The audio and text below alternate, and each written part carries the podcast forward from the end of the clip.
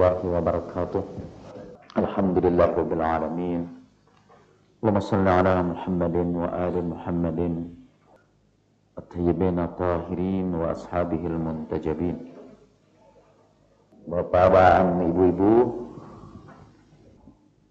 hadis Nabi Shallallahu Alaihi Wasallam yang menyatakan bahwa Tuhan akan menolakkan bencana dunia dari orang yang membaca Al-Quran dan Tuhan akan menolakkan bencana akhirat dari orang yang mendengarkan Al-Quran menolakkan bencana akhirat itu jauh lebih penting ketimbang menolakkan bencana dunia dalam hal itu disebutkan bahwa e, untuk orang yang mendengarkan Tuhan akan melindungi dia dari bencana pada hari akhirat. Dan untuk orang yang membaca, Tuhan hanya akan melindungi dia dari bencana dunia. Itu menunjukkan bahwa mendengarkan lebih besar pahalanya ketimbang membaca. Di dalam Al-Quran, kata membaca Iqra misalnya berkenaan dengan turunnya Al-Quran itu tidak khusus untuk membaca Al-Quran tetapi membaca alam semesta. Karena Iqra bismi rabbikal ladzi khalaq khalaqal insana min alaq. Bahwa perintah khusus untuk membaca Al-Quran itu tidak setegas seperti perintah mendengarkan Al-Quran. Perintah utlu itu hampir semua ditujukan kepada Rasulullah Shallallahu Alaihi Wasallam Utlu ma uhiya ilaika. Bacakan apa yang diwahyukan kepadamu. Watlu alaihim naba ibnai Adam. Bilhaq. Bacakan kepada mereka kisah dua putra Adam dengan kebenaran. Perintah untuk membaca Al-Quran tidak setegas perintah untuk mendengarkan Al-Quran. Iza kuri Al-Quran fastami'u lahu wa ansitu la'allakum turhamun. Apabila dibacakan Al-Qur'an, dengarkanlah kalian dan diamlah kalian supaya kalian disayangi Allah. Ayat Al-Quran juga surat Al-Muzammil yang menyuruh kita membaca Al-Quran. Bacalah yang mudah dari Al-Quran. Wa idza quri'al-Qur'anu fastami'u lahu wa ansitu la'allakum turhamun. Surat Al-A'raf ayat 204. Dua-duanya perintah untuk membaca dan perintah mendengarkan. Tapi perintah mendengarkan disampaikan lebih tegas. Dan dalam sabda Nabi tadi, Nabi menyebutkan bahwa mendengarkan Al-Quran lebih utama ketimbang membacanya. Membaca juga utama, tapi mendengarkan Al-Quran lebih utama lagi para ulama-ulama sufi menjelaskan sebabnya mengapa mendengarkan itu lebih utama daripada membaca. Kalau orang membaca Al-Quran, sering kali orang itu sibuk memperhatikan makhraj dan tajwid sehingga lolos dari perhatiannya keindahan Al-Quran itu sendiri. Kata Imam Al-Ghazali malah dalam Ihya, salah satu hal yang mencegah kita untuk bisa memahami makna Al-Quran ialah kesibukan kita untuk memperhatikan cara mengeluarkan suara yang kita sebut makhraj. Sementara dalam mendengarkan kita tidak disibukkan dengan e, cara mengucapkan Al-Quran dengan baik. Pusat perhatian kita kepada ayat-ayat Al-Quran itu. Yang kedua, sering kali kalau orang baca Al-Quran, sering terselip di dalam hati ria atau sum'ah sebetulnya. Di dalam bahasa Arab sum'ah ialah keinginan kita untuk menimbulkan kesan yang baik pada para pendengar dengan apa yang kita bacakan. Mungkin bukan Bapak dan Ibu-ibu, saya sendiri kalau jadi imam, bacaan Al-Quran saya rada beda kalau saya baca sendirian. Karena ketika saya baca Al-Quran sebagai imam, saya memikirkan apa kira-kira yang bakal terdengar oleh makmum saya. Kadang-kadang masuk riak, tapi orang mendengarkan tidak pernah masuk riak karena mendengarkan. Dan di dalam Al-Quran yang dipuji juga adalah orang yang mendengarkan. Fabashir ibadi alladzina qaul. Gembirakanlah hamba-hambaku yang mendengarkan pembicaraan. Itu dari Al-Quran sendiri. Kalau dari contoh-contoh Nabi, beliau sering menyuruh para sahabatnya untuk membacakan Al-Quran kepada beliau. Abdullah ibnu Mas'ud misalnya pernah disuruh membaca Al-Quran Malas Abdullah bin Mas'ud sampai bertanya begini, kau suruh aku membaca Al-Quran ya Rasulullah, pada Al-Quran itu turun kepadamu. Lalu Abdullah bin Mas'ud baca belum selesai karena melihat Rasulullah sudah berlinang-linang air matanya. Abdullah bin Mas'ud menghentikan bacaannya.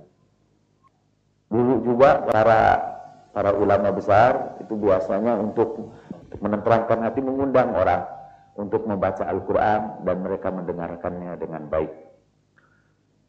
Ketika Imam Syafi'i masih kecil, Imam Syafi'i itu terkenal memiliki bacaan Al-Quran yang sangat bagus.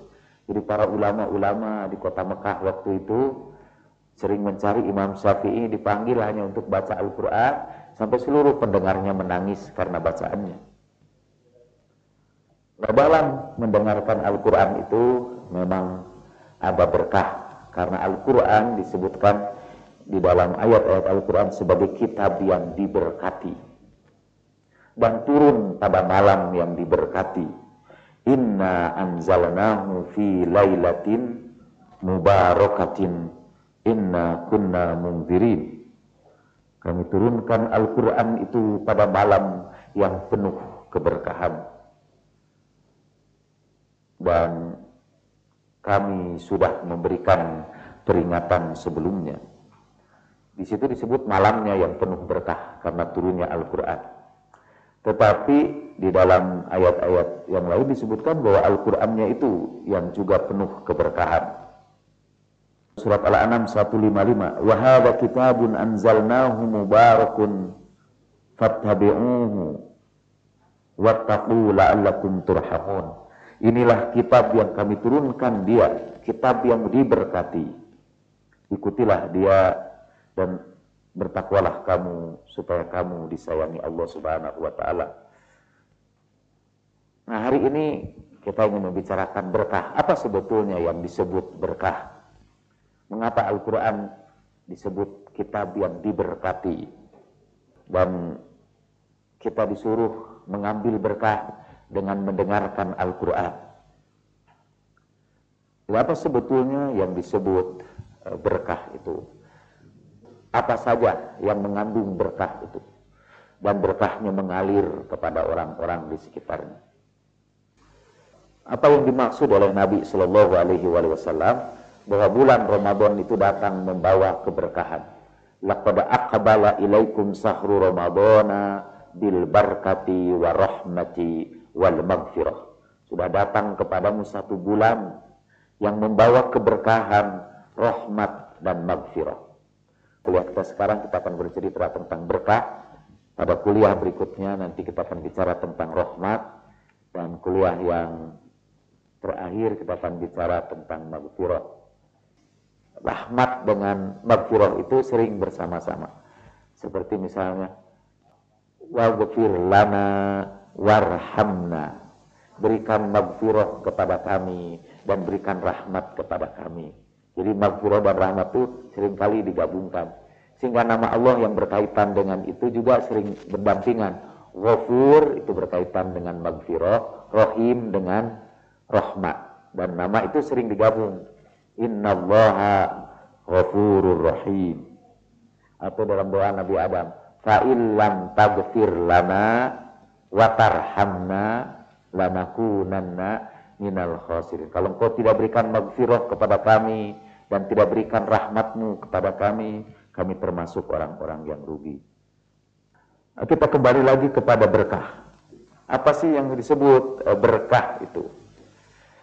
Dalam bahasa Arab, kata berkah itu berasal dari kata baraka, dan itu biasanya dinisbahkan kepada unta yang menelungkup, kemudian cukup lama menelungkup di tempat itu. Biasanya mereka menelungkupkan kakinya dengan menyimpan babaknya lebih dahulu. Kemudian kakinya mereka tekuk. Sehingga karena babaknya yang dirapatkan ke atas tanah itu, maka baba unta itu juga disebut burka. Lalu unta itu menetap lama di satu tempat. Orang-orang Arab biasanya menampung air hujan. Karena mereka sering kali kekurangan air, mereka bangun satu tempat persegi biasanya dari tumpukan tanah yang sangat padat untuk menampung curahan air hujan. Karena kalau air hujan itu tidak ditampung, dia dengan segera diserap oleh padang pasir dan hilang. Tempat penampungan air hujan itu disebut birkah. Satu kata juga dari kata barokah. Nah setelah itu kemudian orang Arab menggunakan kata barkah dengan fathah untuk menunjukkan manfaat yang terus menerus. Kalau ada satu hal yang mendatangkan manfaat yang terus menerus, manfaatnya itu tidak cepat habis. Tidak habis seperti habisnya air hujan yang diserap oleh padang pasir, tapi dia menetap dan bisa dipergunakan untuk terus menerus. Itu mereka sebut itu sebagai berkah atau barkah. Kita terjemahkan kalau bahasa Indonesia menjadi berkah. Setelah itu berkah juga berarti kemuliaan hal yang mendatangkan kemuliaan disebut membawa keberkahan. Karena itu dari kata barokah itu kemudian kalau ditambah tak jadi tabaroka itu berarti maha mulia. Dan itu hanya dinisbahkan kepada Allah saja. Seperti dalam kata tabarakalladzi biyadihi malakutu kulli syai'in wa ilaihi turja'un di dalam surat Yasin. Maha mulialah Allah Sebetulnya Allah adalah zat yang menaburkan kemuliaan. Barkat itu dinisbahkan kepada Allah. Allah lah yang mendatangkan keberkahan itu kepada kita. Dan apa yang sudah Allah berkati, berkat itu menetap pada kita dan kemudian mengalir kepada orang-orang di sekitar kita. Kita dianjurkan untuk memohonkan keberkahan buat rezeki yang akan kita makan. Sebelum kita makan kita berdoa Allahumma barik lana fima rozaktana. Ya Allah berkatilah apa yang telah kau rizkikan kepada kami. Kita ingin rezeki kita itu diberkati. Memperoleh berkat dari Allah subhanahu wa ta'ala. Kita juga dianjurkan agar memulai pertemuan atau kalau kita bertemu dengan sesama muslim kita bukan saja menyebarkan salam, rahmat, tetapi juga keberkahan dari Allah Subhanahu wa taala dengan mengucapkan Assalamualaikum warahmatullahi wabarakatuh. Kesejahteraanlah bagi kalian. Begitu pula kasih sayang Allah dan keberkahannya semoga dilimpahkan kepada kalian. Selanjutnya barakah kemudian diartikan dalam kitab-kitab tafsir disebutkan yang dimaksud dengan barakah adalah al-khairat an-namiyah. Al-khairat an-namiyah artinya kebaikan yang terus-menerus berkembang, kebaikan yang terus-menerus berlimpah. Kata namiyah itu berasal dari kata nama yakni dalam bahasa Arab modern tanmiyah itu artinya development, pembangunan.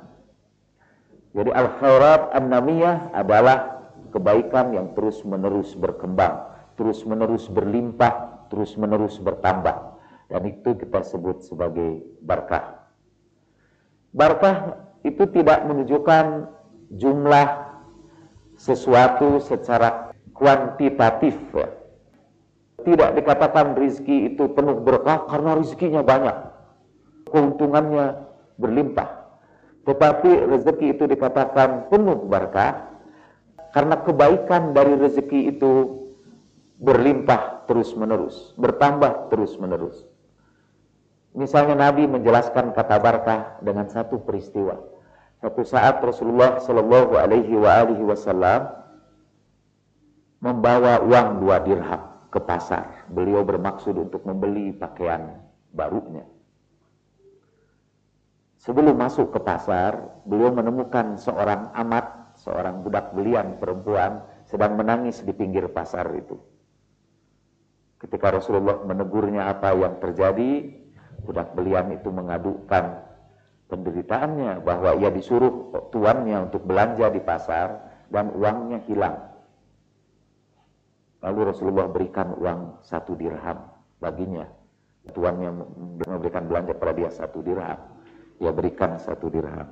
Dan beliau masuk ke pasar, beliau beli pakaian dengan satu dirham itu Baru saja beliau berada di pintu pasar, keluar dari pasar itu, ada seorang yang hampir telanjang berkata, Man kasani kasahullah, siapa yang beri pakaian kepadaku, mudah-mudahan Allah berikan pakaian juga kepadanya.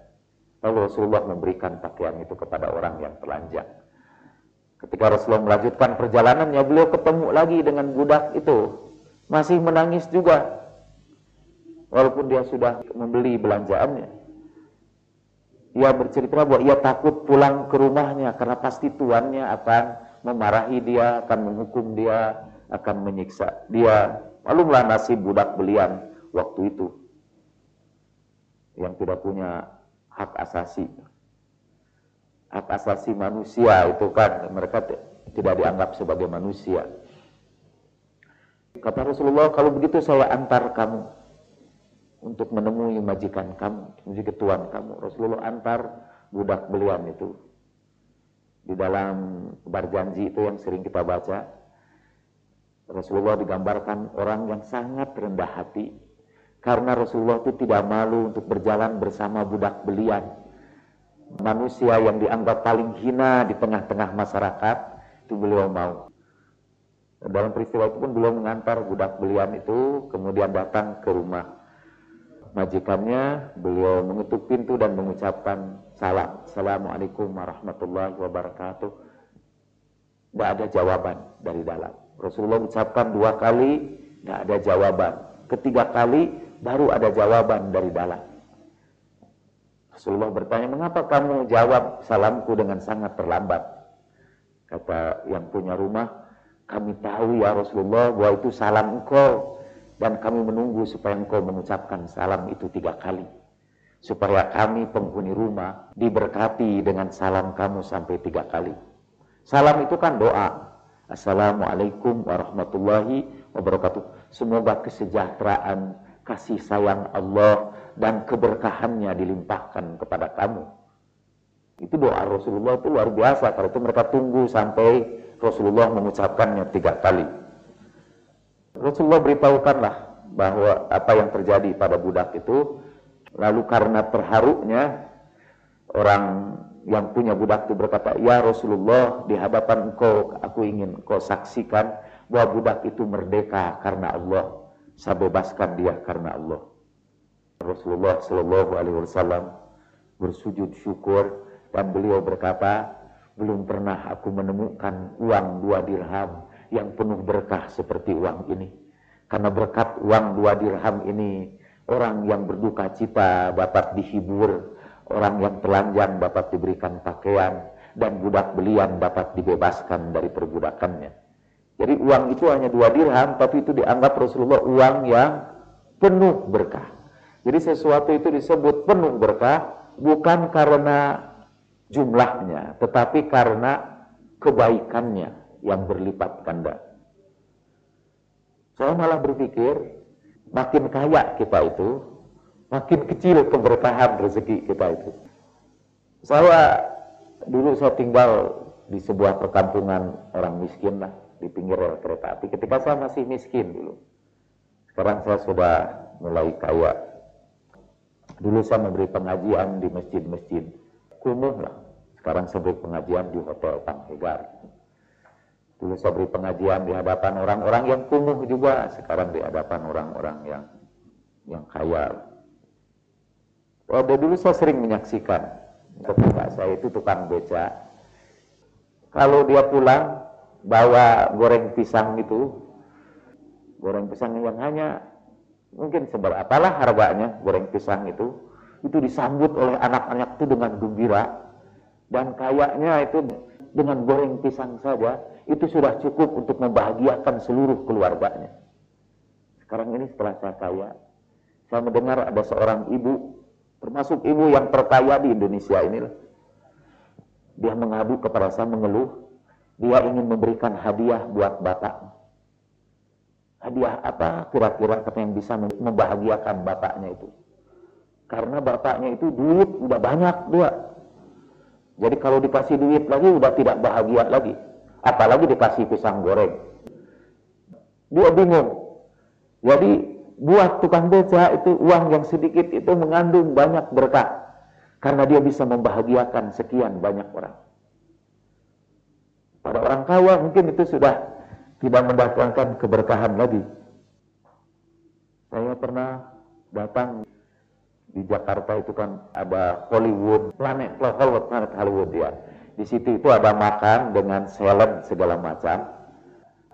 Ada tiga orang kawan saya lah. Saya traktir saya bilang makan di situ. Saya setelah itu bayar sekitar 250 ribu rupiah. 250 ribu rupiah itu hanya mengenyangkan empat orang saja.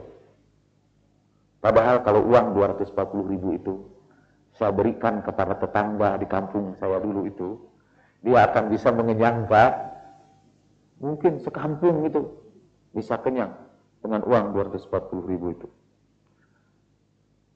itu berarti uang yang saya berikan kepada orang kampung itu mengandung lebih banyak berkah ketimbang uang yang saya makan sendiri beserta keluarga itu.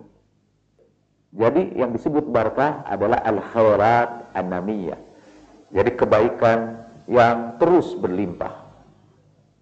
Saya ingin mulai dengan membicarakan berkah di dalam Al-Quran. Di dalam Al-Quran disebut beberapa kali kata berkah itu kata barokat misalnya.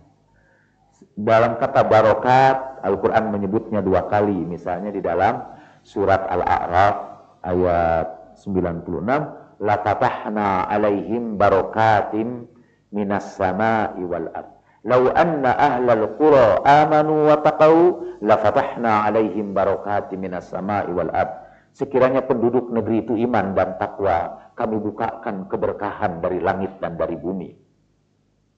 Kemudian kepada Nabi Nuh setelah Nabi Nuh turun dari perahunya Tuhan berkata ihbit bisalamin minna wa barakatin alaika wa ala umamin mimam ma'ak turunlah engkau dengan kesejahteraan dari kami dan keberkahan atasmu dan pada umat yang bersama kamu kepada Nabi Nuh setelah Nabi Nuh turun dari perahunya Tuhan berkata, "Ihbit bisalamin minna wa barakatin alaika wa ala umamin mimam ma'ak."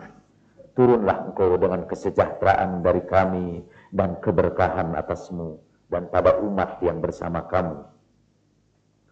Dalam Al-Quran disebut dengan kata barokat, juga orang yang diberkati di dalam Al-Quran disebut mubarak. Yang diberkati itu mubarak. Tadi saya sebut hawa kitabun anzalnahu mubarakun. Inilah kitab yang kami turunkan yang diberkati.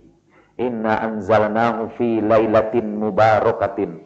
Kami turunkan Al-Qur'an pada malam yang diberkati, yaitu malam Qadar.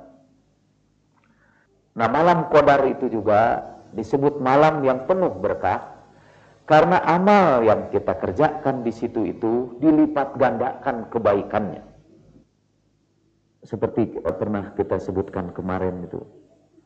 Amal di situ itu satu malam sama nilainya dengan amal seribu bulan. 83 tahun lebih beberapa bulan.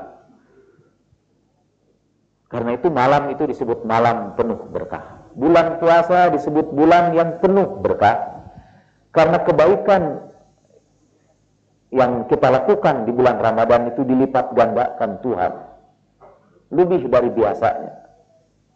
Malam Qadar itu malam yang sangat utama sampai keberkahannya itu Nabi pun tidak mengetahuinya.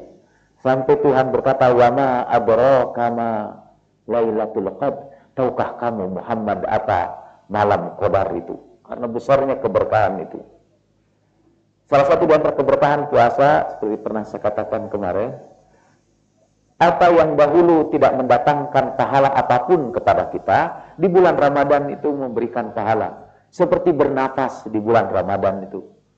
Pada di luar bulan Ramadan, nafas kita tidak dihitung sebagai amal soleh. Di bulan Ramadan itu nafas kita disebut sebagai amal soleh. Anfasukum fihi tasbih, kata Tuhan. Nafas kamu di bulan ini dihitung sebagai tasbih. Kemudian Tidur saja kan dihitung ibadah. Naumukum fihi ibadah. Tidur kamu dihitung sebagai ibadah. Walaupun tentu ada tingkat meningkatnya ibadah itu. Membaca Al-Quran ketika bangun itu ibadah juga. Tidur itu pun dihitung ibadah. Tapi udah jelas bangun sambil membaca Al-Quran, nilainya lebih tinggi, ibadahnya lebih tinggi ketimbang ibadah dalam keadaan tidur. Dahulu pernah murid-murid seorang guru sufi bertengkar mana yang lebih utama tidur atau bangun. Sekelompok eh, murid itu mengatakan tidur lebih baik. Karena dalam tidur itu kita terhindar dari perbuatan maksiat. Dalam tidur kita tidak pernah mempergunjingkan orang lain. Di dalam tidur kita tidak pernah berbuat kemungkaran. Kata yang satu. Dulu itu pada seorang raja memanggil seorang darwis, seorang sufi, minta nasihat. Amal apa yang paling utama yang harus aku kerjakan sebagai raja? Kata sufi itu, tidur baginda. Sebab ketika baginda tidur, rakyat beristirahat dari penindasan baginda. Jadi rakyat terhindar dari gangguan baginda. Sebagian sufi itu berpendapat mendingan tidur. Yang satu lagi berbakat, lebih baik bangun. Karena ketika bangun kita bisa melakukan berbagai macam peribadatan. Ketika bangun kita bisa mencari nafkah yang halal. Ketika bangun kita bisa sholat. Gitu. Dan tidak sah sholat kan dalam keadaan tidur. Datanglah kepada kiai, mana sebetulnya yang lebih baik tidur atau bangun. Dan kiainya itu menjawab pendek aja Orang yang menganggap tidur lebih baik, sebaiknya memilih mati ketimbang hidup. Artinya kalau menganggap bahwa tidur itu bagus, mati aja kan. Karena kalau orang itu mati, dia terhindar dari maksiat, dia terhindar dari berbuat kemungkaran, terhindar dari mengancam orang lain. Sudah mati tidak bakal mengisienan orang lain. Ya. Itu hanya orang saja yang menganggap bahwa orang yang mati itu penyingsianan mereka mereka sendiri sebetulnya tidak proaktif untuk menakut-nakuti kita. Kembali lagi di dalam Al-Quran yang diberkati itu bisa waktu, misalnya seperti malam Qadar. Inna anzalnahu fi lailatin mubarakatin dalam surat Ad-Dukhan surat 44 ayat 3. Bisa juga yang diberkati itu tempat. Yang penuh berkah itu tempat. Seperti kemarin ada yang bertanya di antara para bapak tadi itu tentang Nabi Musa yang dipanggil Tuhan di sebuah semak belukar. Itu terdapat dalam surat Al-Qasas, surat 28 ayat 30. Falamma ataha, ketika Musa sudah sampai di semak belukar di puncak bukit itu, nudiya min syati'il wadil aiman. Dia dipanggil dari arah lembah sebelah kanan fil buq'atil mubarakah dalam satu tempat yang penuh keberkahan.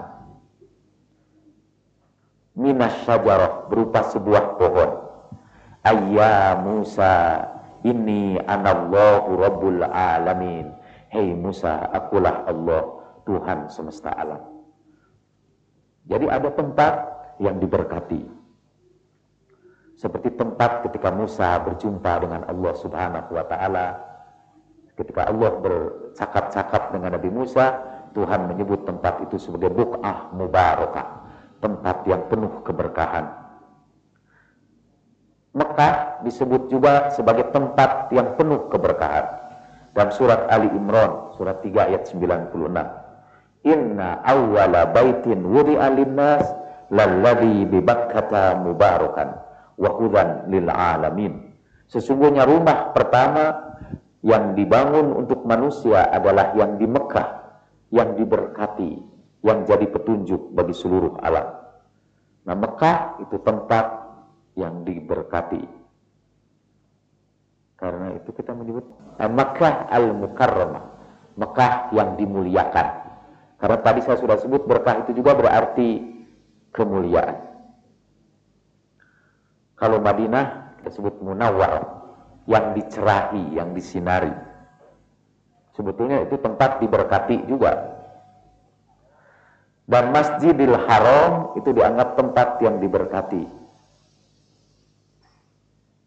Dalam Al-Quran juga disebutkan bahwa tempat yang diberkati itu adalah tempat ketika orang berjumpa dengan Allah Subhanahu wa taala, tempat itu diberkati. Karena itu semua masjid yang ada di dunia ini itu tempat yang penuh keberkahan. Karena di masjid itulah kita berjumpa, berdialog dengan Allah Subhanahu wa taala. Yang kedua juga tempat yang diberkati itu di dalam Al-Qur'an ialah tempat-tempat yang pernah didatangi Rasulullah Shallallahu alaihi wasallam. Kedatangan Rasulullah itu menyebarkan keberkahan.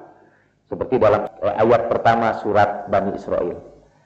Subhanalladzi asra bi abdihi lailan minal masjidil harami ilal masjidil aqsa alladzi barokna haulah. Maha suci dia yang menjalankan hambanya dari Masjidil Haram ke Masjidil Aqsa yang kami berkati sekitar dia. Dan dia itu menurut para ahli tafsir menunjuk kepada Rasulullah Shallallahu Alaihi Wasallam. Sebab kalau menunjuk kepada dua masjid itu Ayatnya harus berbunyi allazi barokna haulahuma yang kami berkati di sekitarnya. Malam atau tempat itu diberkati karena ada peristiwa yang terjadi pada malam atau tempat itu. Mekah itu diberkati karena itu tempat yang pernah didatangi Rasulullah Sallallahu Alaihi Wasallam pernah diinjak oleh para nabi sejak Ibrahim. Menurut tarikh di sekitar Ka'bah itu yang di tempat ketika kita tawaf di bawahnya itu dikuburkan ratusan para nabi karena itu tempat itu menjadi tempat yang diberkati malam Lailatul Qadar juga diberkati karena pada waktu itu terjadi peristiwa besar yaitu turunnya Al-Quranul Karim Al-Quran itu juga penuh berkah karena dia berasal dari Tuhan yang tabarakalladzi biyadihi malakutu kulli syai'in wa ilaihi turja'un. Jadi khusus tentang tempat dan waktu itu bisa diberkati karena ada peristiwa yang berkaitan dengan tempat dan waktu tersebut. Bulan Ramadan juga itu bulan yang diberkati karena waktunya. Kemudian di dalam Al-Quran bukan saja tempat dan waktu yang diberkati, juga orang. Kata mubarak artinya yang diberkati. Mubarak itu bisa dinisbahkan kepada tempat seperti di bak kata mubaraka. Bisa dinisbahkan kepada malam fi lailatin mubarakatin. Bisa dinisbahkan kepada orang. Misalnya di dalam surat Maryam, surat 19 ayat 31. Ketika Nabi Isa alaihi salam pada waktu kecil ditanya orang-orang. Waktu itu Siti Maryam lagi puasa bicara. Jadi ketika orang pada heran kenapa Maryam membawa anak kecil itu. Maryam hanya menjawab, aku sudah bernazar kepada Tuhan untuk melakukan puasa bicara. Aku tidak mau bicara kepada siapapun. Kemudian setelah itu, kemudian Nabi Isa surat 19 ayat 31. يا أخت هارون ما كان أبوك امرأ سوء وما كانت أمك بغيا فأشارت إليه قالوا كيف نكلم من كان في mahdi sobiya. Qala inni abadullahi atani al-kitab wa ja'alani nabiyya. Wa ja'alani mubarakan aynama kuntu. Wa awsani bis salati waz zakati ma dumtu hayya. Wa barram bi walidati wa lam yaj'alni jabbaran syaqiyya Wahai saudara Harun, ibu bapakmu bukanlah orang jelek, dan ibumu juga bukan seorang perempuan durhaka. Kenapa engkau datang bawa anak kecil seperti itu? Lalu Maria memberikan isyarat supaya orang-orang itu ngomong kepada bayi itu. Lalu mereka berkata, bagaimana mungkin kami bicara kepada orang, kepada bayi yang masih berada dalam ayunan? Bayi itu bicara, aku hamba Allah. Telah Allah berikan kepadaku Alkitab dan telah Allah jadikan aku sebagai nabi. Dan Allah jadikan aku yang diberkati, mubarakan. Di mana pun aku berada, dan ia berwasiat kepadaku untuk menjalankan sholat, zakat selama aku hidup dan berkhidmat kepada ibuku atau orang yang membantah dan durhaka. Wassalamu alayya yawma wulidtu wa yawma amutu wa yawma ub'athu hayya. Sejahteralah aku pada hari dilahirkan, pada hari aku mati dan pada hari aku dibangkitkan kembali. Kalau berdasarkan ayat ini, Orang yang diberkati adalah orang yang di situ disebutkan selalu memelihara sholat, memelihara zakat, dan yang berkhidmat kepada orang tuanya, khususnya kepada ibu. Di dalam Al-Quran, kita berkhidmat kepada bapak itu perbuatan baik, tapi lebih baik lagi berkhidmat kepada ibu. Karena Al-Quran menyebutkannya secara khusus, khusus tentang ibu. Karena itu tidak salah orang tua dulu yang memberikan nasihat kepada kita kalau kita ini selalu salah saja atau selalu gagal saja. Kalau bahasa Jermannya selalu netes semplek, nincak, semplak. Itu orang tua dulu mengajarkan datanglah bersimpuhlah kepada orang tuamu. Mintakan doa mereka, minta maaf kepada mereka. Karena berkhidmat kepada orang tua adalah wasilah yang akan membuat hidup kita diberkati. Jadi dengan memelihara sholat, memelihara zakat, dan berkhidmat kepada orang tua, kita akan diberkati pada hari kita dilahirkan, pada hari kita meninggal dunia, dan pada hari kita dibangkitkan kembali. Yawma uba'asu hayya. Itu beberapa penjelasan tentang berkah satu lagi dalam surat 23 ayat 29. Kalau kita ingin tempat kita diberkati, rumah kita ingin penuh berkah, menurut Al-Quran kita harus berdoa, Robbi anzilni munzalan mubarakan wa anta khairul munzilin. Tuhanku, tempatkanlah aku pada tempat yang diberkati karena engkaulah sebaik-baiknya yang menempatkan orang. Sebagian ulama berpendapat menafsirkan bahwa itu dimaksudkan ketika kita nanti diturunkan ke lubang lahat, masuk ke alam barzah, kita harus berdoa agar kita dimasukkan ke alam barzah itu pada tempat yang diberkati. Karena itu kalau kita bapak-bapak atau ibu-ibu mendatangi jenazah, berkunjung kepada orang sudah meninggal dunia, di hadapannya kita harus berdoa begini. Allahumma inna habal musajjab baina yadaika abdun min ibadik au amatun min imaik Allahumma anzilhu munzalan mubarakan wa anta khairu munzilin bik Ya Allah ini yang terbungkus di hadapanmu ini adalah hamba jua. Berkatilah tempat turunnya itu karena engkaulah yang sebaik-baiknya menurunkan orang. Wa anta khairum munzilin. Allahumma in kana salihan fadha'if hasanatihi. Kalau dia ini termasuk orang yang baik, lipat gandakanlah segala kebaikannya. Dan kalau dia ini orang yang berdosa, fatajawaz an sayyi'ati, maafkanlah seluruh kesalahannya untuk yang mati pun kita harus mendoakan keberkahan. Kita juga harus mendoakan keberkahan buat orang yang baru menikah, kan? Barokallahu laka wa jama'a bainakuma fil khairi sa'adah. Semoga Allah memberkati pernikahan kalian dan semoga Allah menghimpunkan kalian dalam kebaikan dan kebahagiaan. Itu doa untuk orang yang mau menikah. Atau barakallahu laka fi ahlika wa malik. Semoga Allah memberkati engkau dalam hartamu dan dalam keluargamu. Pada orang yang menikah pun kita doakan supaya memperoleh e, keberkahan.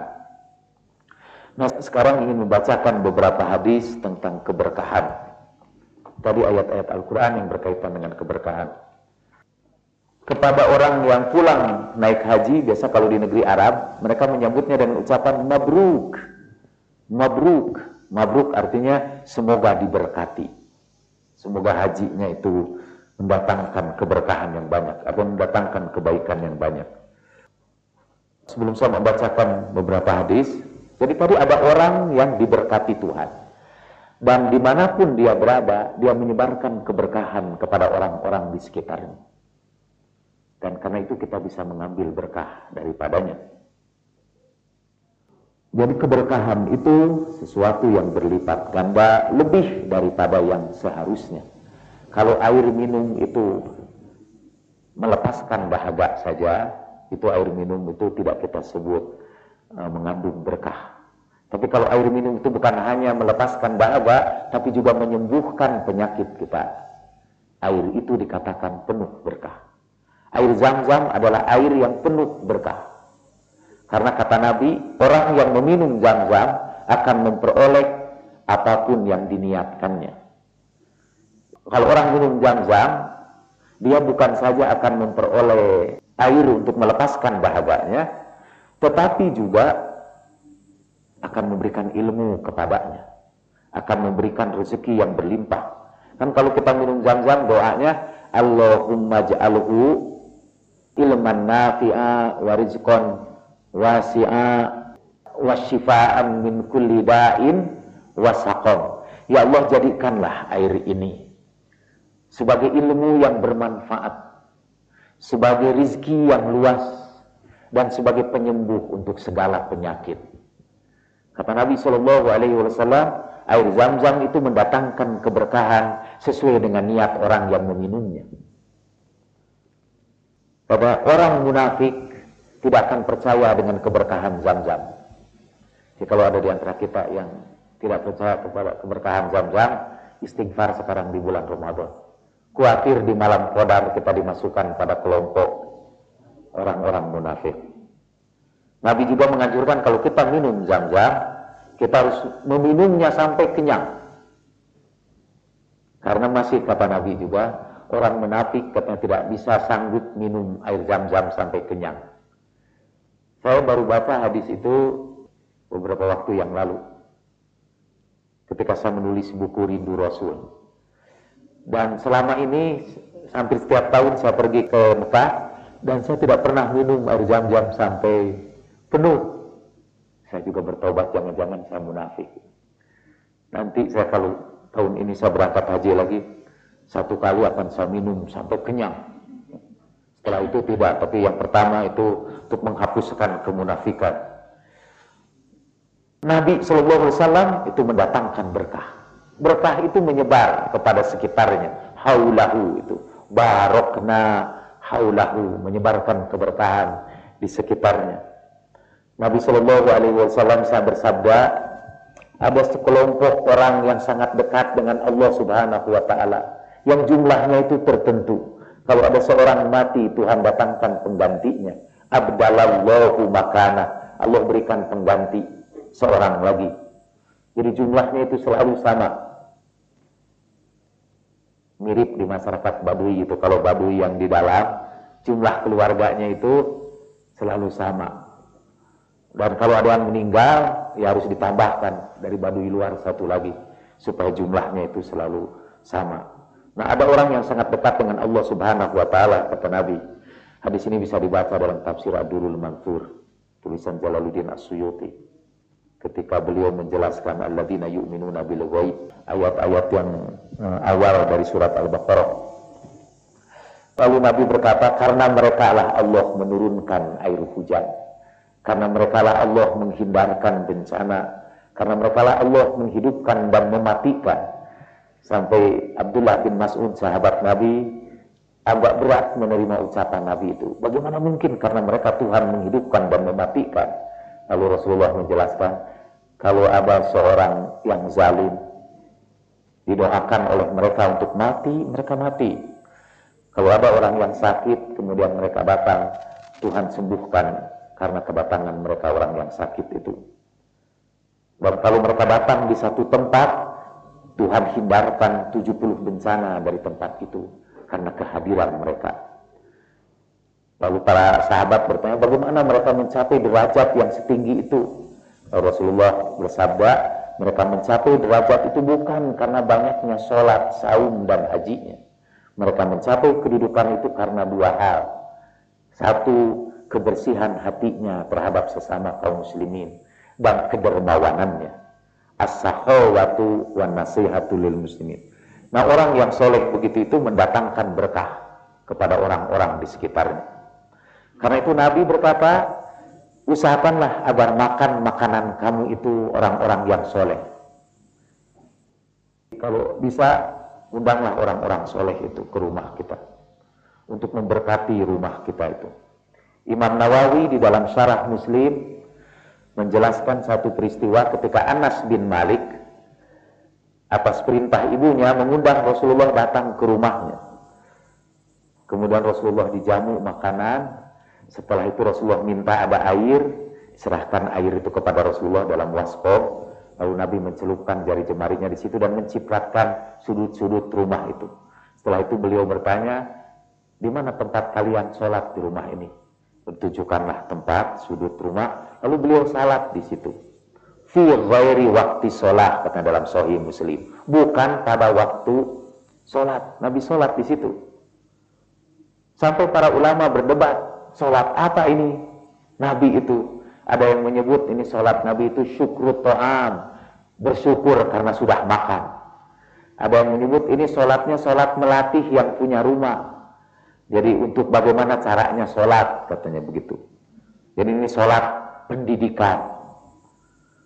Tapi kata Imam Nabawi, hadihi hujjatun liman tabarroka bi'athari solehin. Ini adalah dalil yang menjelaskan dianjurkannya kita mengambil berkah dari kedatangan orang-orang yang saleh. Jadi karena dulu pun para sahabat mengambil berkah dari kedatangan Nabi, Sepeninggal Nabi kita bisa mengambil berkah dari orang-orang yang saleh. Jadi sekarang ini kalau punya rumah, minta orang saleh datang ke rumah kita, suruh ini. Walaupun seperti kemarin Bapak bilang, ada sulit juga cari orang saleh itu. Ya. Tapi dengan tadi itu, innamal a'malu bin niat. So dengan yang kita niatkan. Apa hal-hal yang menyebabkan datangnya keberkahan di dalam kehidupan kita. Saya hanya mengambil beberapa hadis saja. Bil adli tatadha'aful barokat. Karena keadilan, keberkahan akan berlimpah. Jadi kalau kita menegakkan keadilan di rumah atau di negara, Tuhan akan bukakan keberkahan dari langit dan dari bumi. Lalu saya bacakan satu lagi, hal-hal yang menghilangkan berkah yang bisa menghapuskan keberkahan. Itu sudah jelas, dosa apa pun itu akan menghilangkan keberkahan. Sebagai tandingannya, dosa itu menimbulkan laknat. Dan laknat juga menyebar, sama seperti berkah. Laknat juga menyebar. Bahkan satu tempat yang pernah dilaknat Allah, itu laknatnya menetap. Kadang ratusan tahun setelah itu pada peristiwa perang Tabuk ketika Nabi berangkat perang sampai di satu tempat yang dahulu bangsa Ad dan Samud di situ dilaknat Tuhan karena kemaksiatannya. Para sahabat berhenti di situ. Ada yang mulai masak, menjerang air, ada yang membuat roti. Begitu Rasulullah datang, kata Rasulullah, asri'u. Cepat kalian meninggalkan tempat ini.